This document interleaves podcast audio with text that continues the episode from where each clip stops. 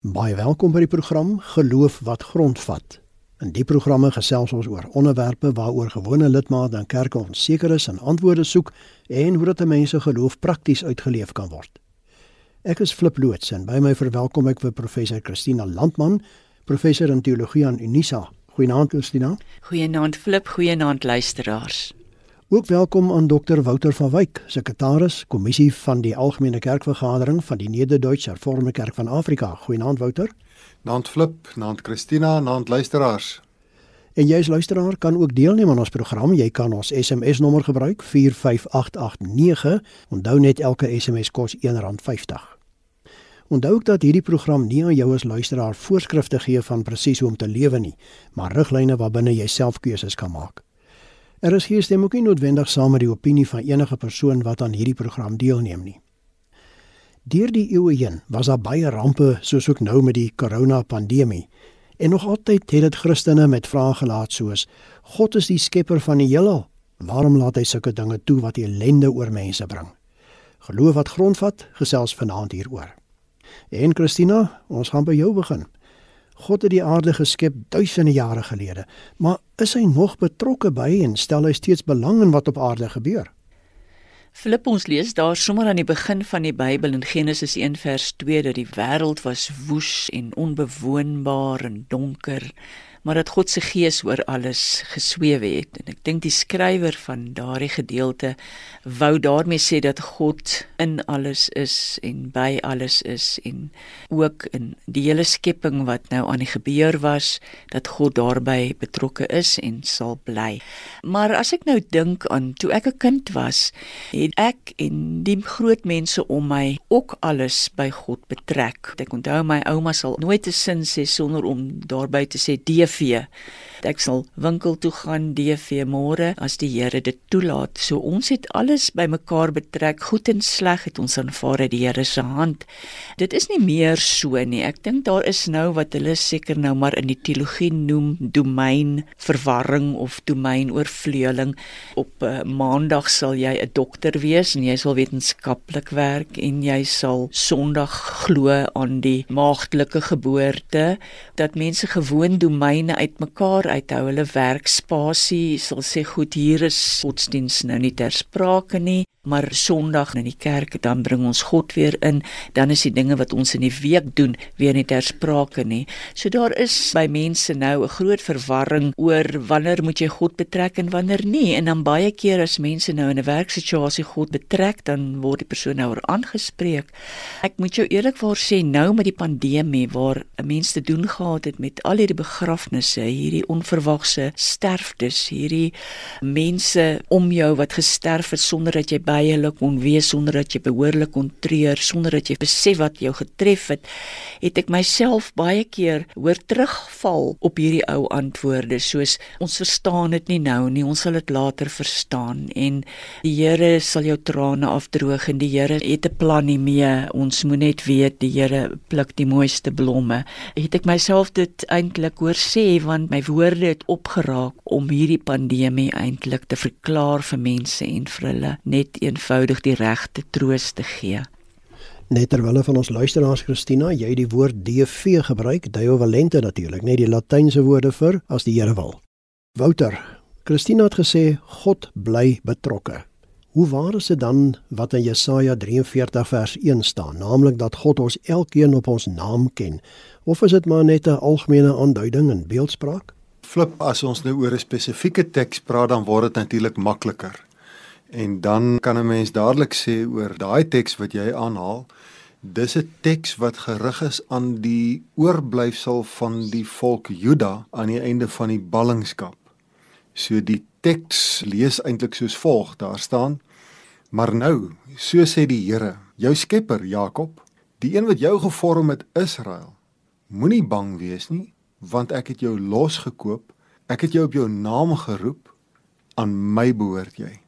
En die oomblik as jy dus daai spesifieke teks volledig lees, dan verstaan jy dis nie sommer net 'n algemene aanspraak nie. Hier word 'n spesifieke groep mense aangespreek. En dis mense wat die trauma van die Babiloniese ballingskap oorleef het. En vir hierdie mense in hulle konkrete situasie word daar gesê: "Die Here ken julle. Die Here weet wat met julle gebeur het. En die Here roep julle juis nou na hierdie katastrofe om terug te keer na die land wat hy vir julle gegee het. Nou as ons dit met ander woorde gaan toepas, dan moet ons met ander woorde sê: Ja, die Here ken mense se omstandighede. Die Here spreek mense in hulle omstandighede aan. Die Here roep mense om binne bepaalde omstandighede met hoop en met geloof te leef, juis omdat ons weet dat God ons nie alleen laat nie. En daarom kan ons vandag doodgewoon oor ons eie lewens ook sê. Ons beleef dat die Here met ons werk en daarom bely ons dat hy ons persoonlik ken en dat hy in ons lewens betrokke is. Dit is nou van God se kant af, Christina, wat Wouter hier vir ons sê dat God by ons omstandighede betrokke is. Hy ken ons. Maar tot watter mate sou God my hoor indien ek te midde van biljoene mense op aarde op hierdie oomblik met hom praat, veral in my pandemie nood? Ek kan dit maar net kort antwoord flip en dit is ook maar net 'n geloofsposisie van my kant af is dat jy's nou in die tyd wat ons praat oor die uitstorting van die Heilige Gees dat ek met God praat deur die Gees van God wat in my is en dat daarom alhoewel die gees van God van Genesis 1 vers 2 afgemeld word dwars deur die Ou Testament die gees van God dan nou weer uitgestort is hier in die Nuwe Testament juis om ons te herinner aan hierdie nuwe verhouding wat ons met God het. Dis nie 'n verhouding waar daar enige wette of priesters of wie ook al tussen ons en God staan nie. Daar's 'n verhouding waar ek direk met God kan kommunikeer en dit is deur die gees wat in my is Maar nou kom ons by die onderwerp van vanaand Wouter. Nadat God die aarde geskaap het, het hy van elke dag gesê, dit was goed. Waarom is daar dan dinge soos rampe en die pandemies wat die goed in sleg laat verander? Is dit dalk God se straf op sonde? Ja, flip, dis een van die oudste vrae van die mensdom wat nie net in die Christelike geloof nie, maar in alle gelowe en ook onder ongelowiges deur die eeue heen bespreek is. Waar kom die kwaad in die wêreld vandaan? En daar's verskillende antwoorde gegee deur die geskiedenis in die filosofie en ook verskillende antwoorde in die Bybel self. So as ons byvoorbeeld net 'n paar verse teruggaan van Jesaja 43 af, dan lees ons in Jesaja 42 vers 24: Wie het Jakob as buit oorgegee en Israel aan die plunderaars? Is dit nie die Here nie? Hy teen wie ons gesondig het. Hulle wou nie op sy paaie loop nie. Hulle het nie na sy wet geluister nie. En hy het sy brandende toorn in die geweld van oorlog oor hulle uitgestort. So ons hoor baie duidelik, daar sê Jesaja, inderdaad, die ramp van die ballingskap is die straf oor Israel se sonde. Maar in dieselfde Bybel is daar ander dele wat die teendeel sê. Ons ken almal die verhaal van Job wat welvarend was en toeskielik onder die beproewing deurloop nadat die Satan dan die Here aangehits het om dit te doen. En dan verloor Job alles en dan kom al sy vriende by hom die een na die ander en hulle sê vir hom Job, daar's geen twyfel daaroor nie, hierdie rampe wat jou getref het is oor jou sonde. En Job hou die hele boek lank net vol. Nee, dis nie waar nie. Ek het niks verkeerd gedoen nie. Ek is onskuldig. Dit kan nie waar wees dat die Here my straf nie. Reg aan die einde in Job 40 dan praat die Here vir die eerste keer, dan spreek hy vir Job aan uit die stormwind en hy sê: "En jy kla nou so baie. Maak jou reg vir die stryd. Ek sal vra, dan antwoord jy my. Wil jy my beslissing tot niet maak? Wil jy my skuldig verklaar sodat jy vrygespreek kan word? Het jy die mag wat ek het?" En so eindig die boek Job om uiteindelik te sê: "Jy mens, is eenvoudig nie in 'n posisie om te kan oordeel wat goed en sleg is nie. Jy is nie in 'n posisie om te bepaal of God reg is of verkeerd is nie. En jy kan met ander woorde nie 'n reglynige verband trek tussen swaar kry en straf nie. So, miskien moet ons saamvat. Swaar kry en beproewing is doeteenvoudig deel van die lewe. Dis 'n werklikheid. En die Bybel aanvaar dit deurgangs. En miskien juist daarom gaan iemand soos Paulus in Romeine en dan verbind hy die swaar kry wat mense beleef aan die swaar kry wat Jesus self in sy lyding op aarde ervaar het. En dan vra hy in Romeine 8: Is julle dan swaar kry? Wie sal die uitverkorenes van God aankla? Want God is die een wat vryspreek. Wie sal julle veroordeel? want dis Christus Jesus wat gesterf het, meer nog wat opgewek is, wat aan die regterhand van God sit en vir ons intree. Wat sal ons dan van die liefde van Christus skei?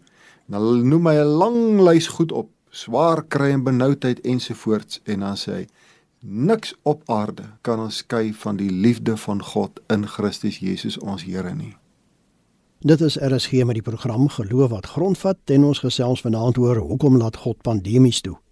Ek is Flip loods en my twee gaste is professor Christina Landman en dokter Wouter van Wyk. En jy as luisteraar kan natuurlik saamgesels. Jy kan die SMS nommer gebruik 45889. Christina, daar's mense wat beweer dat alle goeie dinge van God afkom, soos byvoorbeeld lewe, liefde, geluk, geld en so kan ek aangaan en dat alle slegte dinge van die duiwel afkom, soos byvoorbeeld dood, haat, mislukkings en bankrotskappe. Hoe korrek is dit? Flip, ek dink ons probleem is juis dat ons so binêr dink. En binêr beteken in teenoorgestelde pole. Dat ons dink alles het net een oorsaak. Die een oorsaak is God en die ander oorsaak is die bose. Een van die twee moet dan nou die antwoord wees op waarom kry ons swaar. Ons kan hoegenaamd nie meer so dink nie. Elke ding wat ons oorkom word in elk geval nie net deur een ding veroorsaak nie, is 'n netwerk van oorsake in elkeen van ons lewens. Maar eintlik dat hierdie die oudste vraag is wat in die teologie gevra is, is waar kom die bose vandaan? Is dit eintlik 'n vraag wat ons nou nie meer so in die teologie baie oor dink nie. Ons praat eerder oor agentskap. Met ander woorde, wat ook al die rede is en jy moet tot selfkennis kom oor wat die rede is, waarom iets met jou gebeur wat jou eie aandeel daaraan is, wat miskien 'n slegte mag is wat ingespeel het op jou lewe en dan die verwondering oor wat God jou kan leer in die proses praat ons dan nou meer oor agentskap. Ek kan nou vir jou 'n voorbeeld noem. Ons het die afgelope week navorsing gedoen met 'n groep vroue wat baie sleg deur hulle lewensmaats aangerand word. Ons wou gekyk het wat is die godsdienstige redes wat hulle gee. Waarom gaan dit so sleg met hulle? Waarom word hulle so aangerand?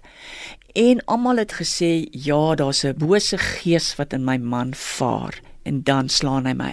Almal, almal onafhanklik van mekaar het so gesê. En almal se godsdienstige oplossing, spirituele oplossing was ek sal bid vir die Here dat ons die bose gees kan uit hom uitdryf, dan sal alles weer reg wees. En jy kan sien wat is die gevolg daarvan dat hierdie situasie word net al hoe slegter en word nie beter nie omdat ons die oorsake en die gevolge nie reg insien nie. En daarom het ons dan 'n gesprek met hulle oor agentskap wetenskap. Watter bronne is vir jou beskikbaar om uit hierdie situasie te kom of om hierdie situasie te hanteer of watter dan nou spesifiek godsdienstige bronne is aan jou beskikbaar? En daar behoort die kerk dan natuurlik nou vir hulle te help om hulle veilig te hou, om 'n veilige spasies te skep waarin hulle kan praat en ook waarin hulle fisies kan beweeg. Hulle het ook gegaan na 'n plek toe waar hulle gehelp is om interdik te kry. Die interdik help natuurlik niks as jy weer en weer teruggaan na die situasie toe nie as daai situasie nie verander nie. Daar was van hulle wat gesê het die kerk het ingegryp en met die man gepraat en dat daar ook goeie vordering op daai gebied was. Maar ek wou dit maar net as 'n voorbeeld noem vir wat in die praktyk gebeur wanneer ons so binêr dink en wanneer ons met naïewe oplossings kom van hoe kan ons die bose geeste uit ons lewens uitkry. Wouter, as ons nou weer dink aan die COVID-19 pandemie waarin ons lewe, tot hoe ver is dit deel van God se plan met die wêreld? Ek dink hier aan die pla in Egipte om mense weer van homself en sy almag bewus te maak, hulle naam te laat omkeer. Durf ons bid dat hy die pandemie moet wegneem? Flip, die eerste ding wat ek wil sê is ek weet nie wat God se plan is nie. Ek dink die Bybel leer vir ons reg van die begin af. Genesis 10, toring van Babel mense wat op hulle eie vermoëns staat maak, gaan vroeër of later op hulle neuse kyk. So kom ek sê dit eerder anders. Ek dink in ons eie tyd het ons die belewenis dat mense wat so staat gemaak het op die wetenskap om ons te beskerm en mense wat hulle self begin onaantastbaar voel het want ons het mos die wetenskap, ons het mos die tegnologie. Skielik weer deur die pandemie hulle menslikheid hulle broosheid, hulle feilbaarheid moes ervaar.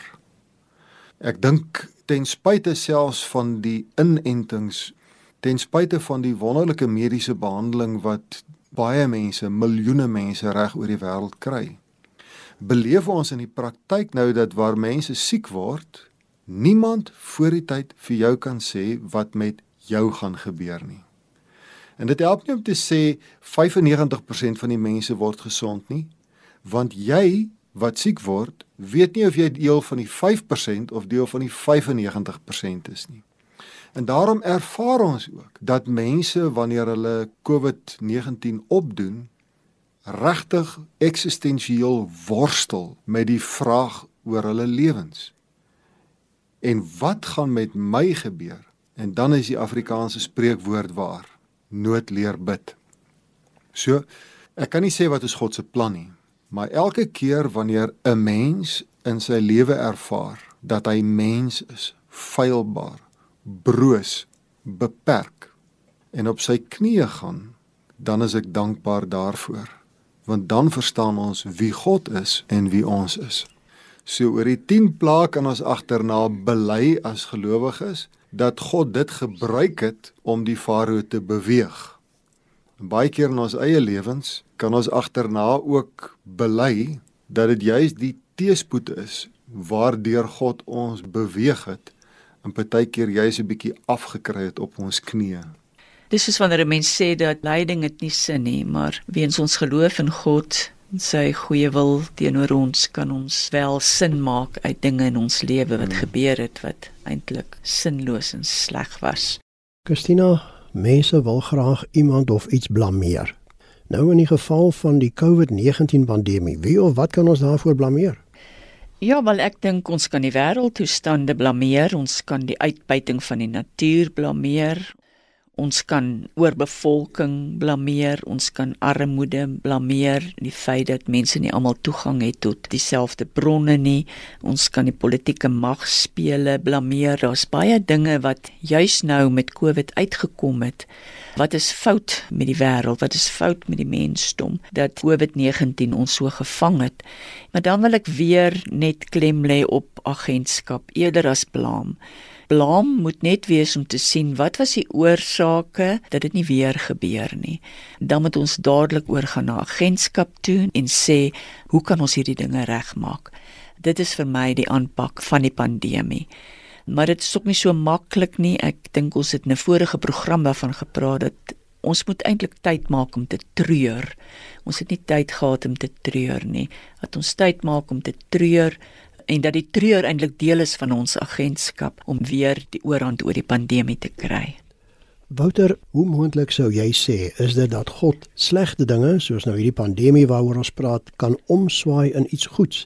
En indien wel, hoe doen hy dit? Ja nee, dit kan bepaald gebeur, maar ek wil nou graag weer aansluit by Christina want ek wil baie sterk beamoen wat sy sê.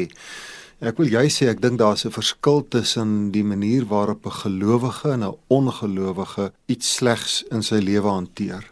Ek dink ons kan net na ons televisiestories kyk en sien hoe dikwels dit die tema van 'n verhaal is dat iemand wat onreg beleef het, se groot strewe is om wraak te neem. En dis wat 'n ongelowige doen. 'n Ongelowige soek iemand anders om te blameer en 'n ongelowige wil wraak neem. 'n gelowige sê, "Wat doen ek nou in my situasie? Ek kan nie verander wat met my gebeur het nie. Nie eers as iemand anderster direk daarvoor verantwoordelik is nie. Ek kan dit nog steeds nie verander nie. Maar as 'n gelowige moet ek nou verantwoordelikheid aanvaar. Dis die agentskap waarvan Christina praat. En as 'n gelowige moet ek daarom nou vra, hoe neem ek God se hand?" En leef vanuit die werklikheid wat nou met my gebeur het. En dan wil ek weer teruggaan na wat ek nou nou gesê het. Wat doen 'n gelowige dan? 'n Gelowige sak af op sy knieë en kyk op na bo. En dis die manier waarop ek dink 'n mens 'n krisis soos hierdie pandemie moet hanteer. Christina veral een teks in Openbaring laat 'n mens wonder oor die verband tussen die pandemie en die eindtydvoorspelling van Jesus se wederkoms en ek weet baie mense praat hieroor ek dink aan Openbaring 11 vers 6 Daar staan God gee hier mag aan twee getuies in die laaste dae onder andere en dan staan daar die aarde met allerlei plate tref so dikwels as hulle dit nodig vind. Wat is jou kommentaar hieroor? Flip nou vra jy vir my om nou hier uitspraak te gee oor die heel moeilikste deel van Openbaring. Wat ek maar kan sê is hoe ek dit self lees. Wie is nou hierdie twee getuies wat die aarde met allerlei plaag gaan tref? Wat die mag gekry het van God om die aarde met allerlei plaag te tref? Miskien is dit die kerk, miskien is dit die woord van God wat dan nou deur God so sterk gemaak is dat hulle vir 'n deel vir 'n paar maande 1260 dae die mag sal kry om die wêreld te oorheers. Dat daar 'n tyd sal wees wat die kerk so sterk sal wees dat die woord van God so sterk sal deurkom dat hulle inderdaad dan die sterkste mag op aarde sal wees. Dan gebruik die skrywer van Openbaring dan nou juis beelde uit die Ou Testament soos daai 10 plaae waarvan ons net nou gepraat het om te sê maar God het daarmee sy mag gewys. God het daarmee gewys dat hy die farao kan beweeg, dat God heers in die wêreld. Maar dan staan daar ook as ons nou die volgende verse lees dat daai tyd sal eindig en daar sal 'n tyd wees wanneer die kerk of dan die woord van God nou weer nie soveel mag sal hê nie dat die bose en die draak sal kom en dan weer die oorhand sal kry oor die aarde. En al wat ek maar hieroor kan aflei en ek dink dit is relevant vir ons situasie is dat In die Bybel lees ons baie van tye wat begin en tye wat eindig. En dat dit juis nie wys op 'n eindtydvoorspelling nie of op 'n wederkoms of die einde van die mensdom nie, maar juis ons wil inlig dat dinge kom en dinge gaan en daar's niks wat eintlik vir altyd duur. Ellende duur nie vir altyd nie. Ons goeie tye duur ook nie vir altyd nie. En dit kan ons nou in die pandemie dan nou verinnerlik en sê maar ook dit sal verbygaan en dat dit 'n godsdienstige uitspraak sal wees. Ook dit sal verbygaan. Wouter, wat kan ek doen vir God sodat rampe en pandemies my nie tref nie? Niks. Dit help nie om te droom van 'n sprokie nie. 'n mens moet in die werklikheid leef en ek dink Christina is reg as sy sê die werklikheid het goeie tye en slegte tye wat mekaar afwissel. En daarom wil ek maar eerder weer sê wat ek vroeër gesê het. Die hoekom vraag is 'n vrugtelose vraag. Hoekom het dit my getref? Ek weet nie. En selfs as ek weet, verander dit niks nie. Die vrugbare vraag is om te vra wat nou? En die oomblik wanneer jy vra wat nou, dan neem jy agentskap, dan neem jy verantwoordelikheid om selfs te midde van swaar kry iets sinvols te doen en om op dië manier sin te gee aan lewe selfs as jy swaar kry en as jy ly. Dit dan al in vanaand se geloof wat grondvat. Dankie dat jy as luisteraar saamgekuier het. 'n Baie groot dankie ook aan my twee gaste, professor Christina Landman en dokter Wouter van Wyk vir hulle bydraes. Christina en Wouter, as van ons luisteraars verder met julle wil kommunikeer, hoe kan hulle dit doen? Christina? Ek sal 'n SMS waardeer by 0823772574. En Wouter? Hulle kan vir my e-pos stuur na wouter@nhk.co.za. En my kontakinligting is flip by mediafocus.co.za. Tot volgende keer. Totsiens.